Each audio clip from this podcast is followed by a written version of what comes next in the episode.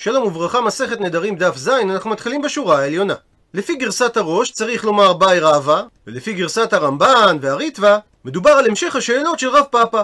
ביי רב פאפא, האם יש יד לצדקה או אין יד לצדקה? האם נוסח חלקי של הקדשת דבר לצדקה מחייבת את מי שאמר את זה? ושואלת הגמרא, היכי דמי? על איזה מציאות מדובר?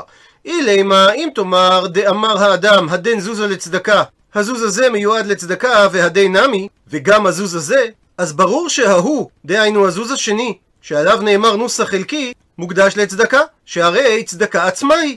כי זה לא יד, זה לא נוסח חלקי, אלא זה המשך של המשפט הקודם. אלא אומרת הגמרא, כגון דאמר אדם את המשפט הראשון, הדן זוזה לצדקה, ואז הוא הוסיף ואמר על הזוז השני, הדן, בתרגום מילולי, וזה, והוא לא אמר נמי, הוא לא הוסיף את המילה גם. במקרה כזה, מה יהיה הדין? האם כשהוא אמר הדן, הוא בעצם הדן אינה מצדקה כמה, ואם יש יד לצדקה, אז הוא הקדיש את הזוז השני לצדקה, או דילמה או אולי, מהי המשמעות והדן שהוא אמר? הכוונה, וזה הזוז, לנפקותא בעלמא כאמר, שגם את הזוז הזה הוא מתכוון להוציא, ודיבורא הוא דלא אסקי. והוא לא סיים את דיבורו. מסביר הר"ן בסוף העמוד הקודם, דאף על גב דיד מוכיח אבי. אפילו שמסתבר לומר שבהקשר לחלק הראשון של המשפט, הוא אכן התכוון לומר שגם הזוז הזה יהיה לצדקה. אם אנחנו אומרים שאין יד בצדקה, אז אפילו כאשר מדובר על יד מוכיח, שמתוך ההקשר מסתבר לומר שהוא התכוון לתת את הזוז הזה לצדקה, בכל זאת, בגלל שהוא אמר נוסח חלקי, לא הוקדש הזוז לצדקה. אז מי אמרינן, האם אנחנו אומרים, כיוון דאית קש, כיוון שיש היקש בין צדקה לקורבנות, דכתיב, נקרא את הפסוק בפנים, מוצא שפתיך תשמור ועשית כאשר נדרת לאדוני אלוהיך, נדבה אשר דיברת בפיך. ואת המילה בפיך דרשו זו צדקה. הרי שיש היקש בפסוק בין לשם אלוקיך שאלו קורבנות לבין בפיך שזו צדקה, אז השאלה האם ההיקש הוא היקש גמור או חלקי? אם זה היקש גמור, מה קורבנות יש להם יד, אף צדקה יש לה יד? או דילמה או אולי, זה לא היקש גמור, אלא היקש לבל תאחר בלבד הוא די יתקש. הוא מסביר הר"ן בסוף העמוד הקודם, שלמרות שבדרך כלל לא אומרים היקש למחצה, אלא שאם הוקשו שני דברים, הם הוקשו אחד לשני לכל דבר. בכל זאת, ניתן לומר שבצדקה ההיקש הוא רק לעניין של בל תאחר, כי היא לא כתובה במפורש בפסוק, אלא היא נלמדת מדרשה. וממשיכה הגמרא ומביאה ספק נוסף, האם יש יד להפקר, או דילמה, או אולי אין יד להפקר? שאם אדם אמר בפני שלושה אנשים על משהו מסוים הרי זה הפקר, ואז על דבר אחר הוא אמר וגם זה, האם הנוסח החלקי וגם זה מועיל כדי שאותו דבר יהיה הפקר? מקשה הגמרא על השאלה הזאת, היינו צדקה. הוא מסביר התוספות שסתם אדם מפקיר את נכסיו בשביל שיזכו בעני, אז אם כך, המטרה של הפקר והמטרה של צדקה היא אותו דבר. וכבר שאלנו קודם על עניין האם יש יד לצדקה. עונה על כך הגמרא, אם תמצא לומר כמה. הספק של רב פאפא נאמר, בהמשך ישיר להסתפקות לעניין צדקה, והגמרא מפרטת. אם תמצא לומר שיש יד לצדקה, מהסיבה דאין היקש למחצה, וכיוון שיש היקש בין צדקה לקורבנות, אז כמו שלקורבנות יש יד, אף לצדקה יש יד, עדיין נשאלת השאלה, הפקר, מי אמרינן, האם אנחנו אומרים היינו צדקה, כי בשניהם העיקרון זה שהמטרה היא לתת את זה לעניים, או דילמה או אולי, הפקר וצדקה זה לא אותו דבר, כי שני שונה צדקה דצדקה לא חזיה אלא לעניים, שהיא לא ראויה אלא לעניים. לעומת זאת, צדקה לא ניתנת לעשירים. מה שאין כן, אבל להפקר, בין לעניים בין לעשירים. ולכן אולי לא שייך לדמות הפקר לצדקה, כך שאפילו אם יש יד לצדקה, אולי אין יד להפקר. וממשיכה הגמרא לשאלה הבאה, ביי שאל רבינה, האם יש יד לבית הכיסא או לא? הוא מסביר המפרש שאיכא דלא אמר בפירוש שאותו מקום מיועד להיות בית הכיסא, אלא אמר רק נוסח חלקי, האם זה נחשב הזמנה וכבר אסור להתפלל בו? וצריך להבין שהשירותים בזמנם היו דומים למה שמכונה שירותי בול כליאה, שזה אומר שהתוצרת נשארת באותו מקום. והתורה אמרה, והיה מחנך קדוש, ומזה למדו שאסור להזכיר דבר שבקדושה בבית הכיסא. וכאשר מדובר על בית הכיסא שעדיין לא השתמשו בו, יש בדבר איסור דה רבנן. ושואלת הגמרא, איך היא דמי? על איזה מציאות תסתפק רבינה? אילי, האם מדובר דאמר האדם הדן ביתא להבי בית הכיסא שהבית הזה, החדר הזה, ישמש כבית הכיסא, שזו אמירה גמורה, ואז הוא הוסיף ואמר, והדן נמי, וגם החדר הזה. הרי במקרה כזה, ההוא, החדר השני, בית הכיסא, נמי הווה. גם הוא זומן להיות בית הכיסא, שהרי המשפט השני הוא המשך ישיר של המשפט הראשון. אלא אומרת הגמרא, מדובר כגון דאמר את המשפט הראשון, הדן בית עלייה ובית הכיסא, ואז הוא אמר, והדן, בתרגום מילולי וזה, והוא לא המשיך ואמר את המילה נמי, דהיינו גם. במקרה כזה, מה יהיה הדין? האם המילה הדן דאמר מתפרשת כיד, דהיינו כנוסח חלקי, כך שהמשמעות שלה והדין נמי בית הכיסא. או דילמה או אולי אין משמעות ליד בתקנת חכמים, שהרי מדובר על בית הכיסא שעדיין לא היה בשימוש, ואם כך, מהי המשמעות של והדין? לתשמיש הבעלמא כאמר, שגם בחדר השני הוא הולך להשתמש. עד לכאן הסבר שאלתו של רבינה, ומדייקת הגמרא מכלל דפשיטא לרבינה, דיש זימון לבית הכיסא,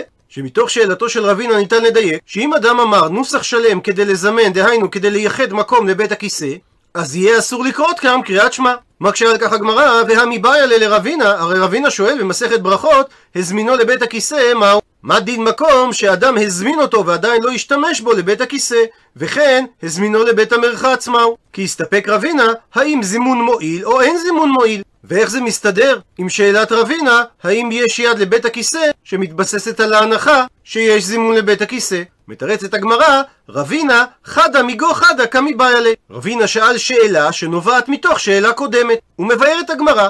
השאלה הראשונה ששאל רבינה, האם זימון מועיל או אין זימון מועיל? ועל גבי זה, אם תמצא לומר שיש זימון, אז נשאלת השאלה, האם יש יד או אין יד? הוא מסיים את הגמרא, תיבאילי. מסביר תוספות, שהלשון תיבאילי פירושה כמו תיקו, דהיינו תעמוד השאלה ללא תשובה, ולשון נדרים היא לשון משונה. ציטוט מהמשנה, מנודה אני לך, רבי עקיבא היה חוכך בזה להחמיר. ועל כך אמר אביי, מודה רבי עקיבא לעניין מלקות שאינו לוקה.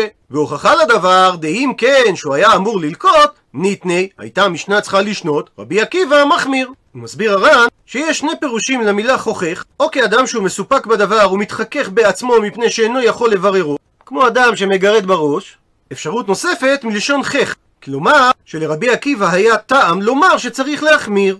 הוא מדייק אביי שגם לפי רבי עקיבא אם אדם שהתנסח באופן הזה עבר על נדרו, הוא לא לוקה, כי רבי עקיבא מספקה היה מחמיר, ולא שהיה הדבר ברור לו. ואגב כך מוכיח הר"ן, שמה שאמרנו ידות נדרים כנדרים, זה גם לעניין מלכות. ולעניין גבולות המחלוקת בין חכמים לרבי עקיבא, אמר רב פאפא. במקרה שאדם אמר נדינא מנח, ואז הוא המשיך ואמר שאני אוכל לך, כמו שאמר שמואל על שאר הלשונות, למשל מופרשני או מרוחקני, שבכולן הדין שיהיה אסור, במידה והוא מוסיף, אני אוכל לך וכולי. אז אותו דבר גם לגבי הלשון נדינה, שזה לשון הרחקה.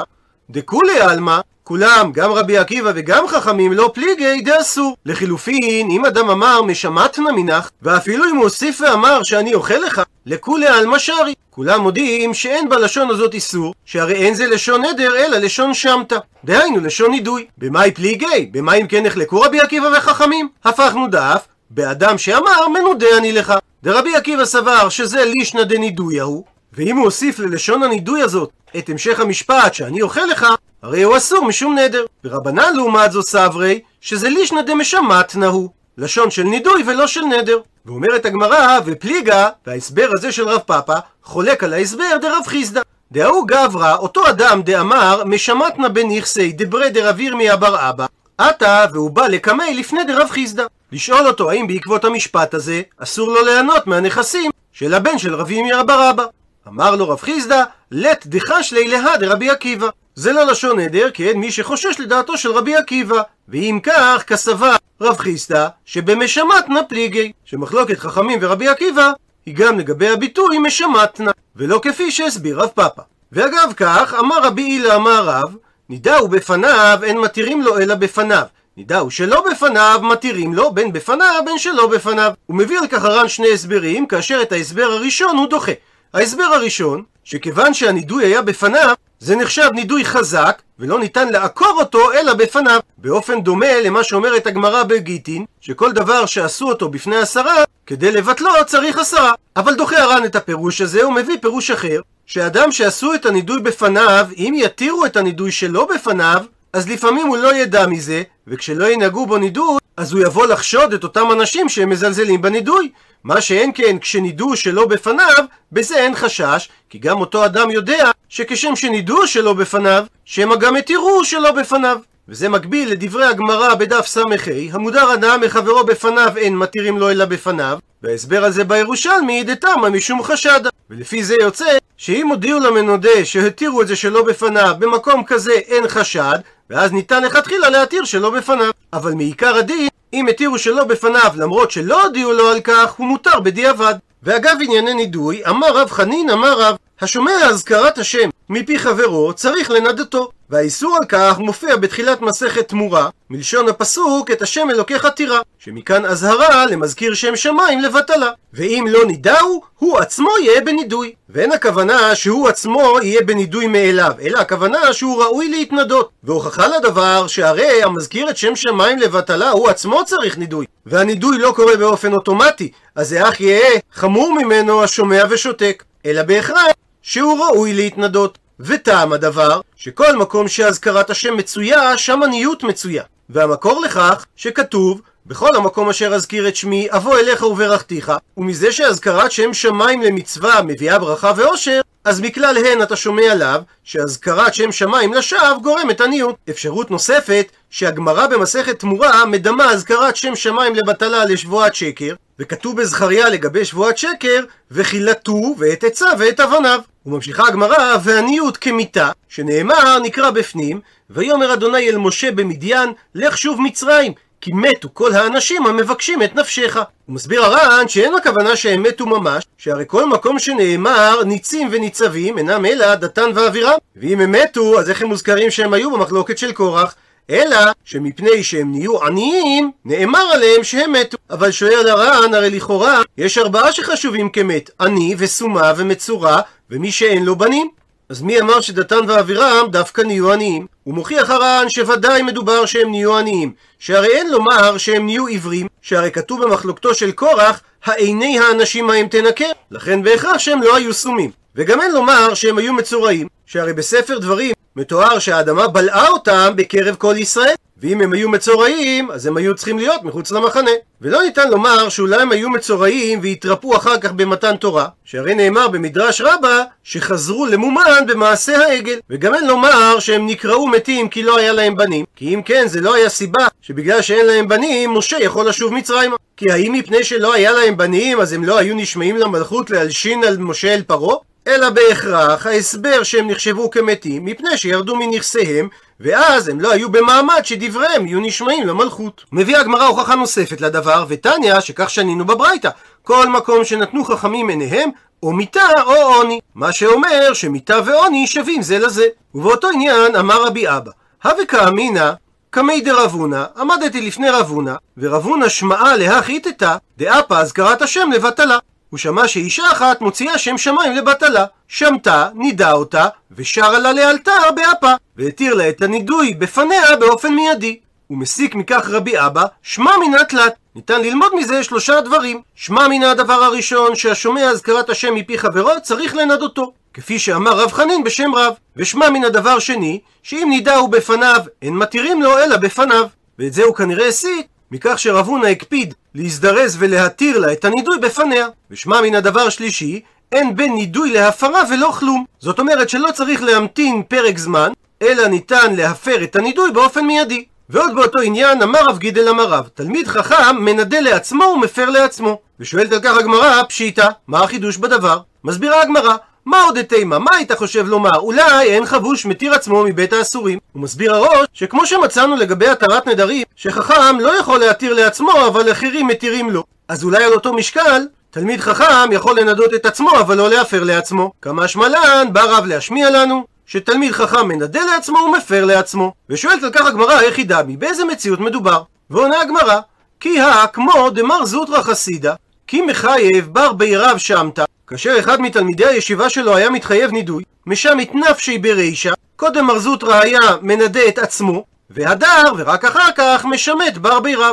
היה מנדה את אותו תלמיד. וזה גרם וכי אי לביתי, וכאשר מר זוטרא בא להיכנס לביתו, שרי לנפשי. הוא היה מתיר לעצמו את הנידוי שהוא הטיל עליו כדי שלא יצטרכו בני ביתו להתרחק ממנו, והדר שרי לי, ואחר כך הוא היה מתיר את הנידוי לבן הישיבה. ואומר הראש שזה דווקא בסדר הזה שקודם הוא היה מתיר לעצמו, כדי שיבוא זכאי ויתיר זכאי. עד לכאן דף זין.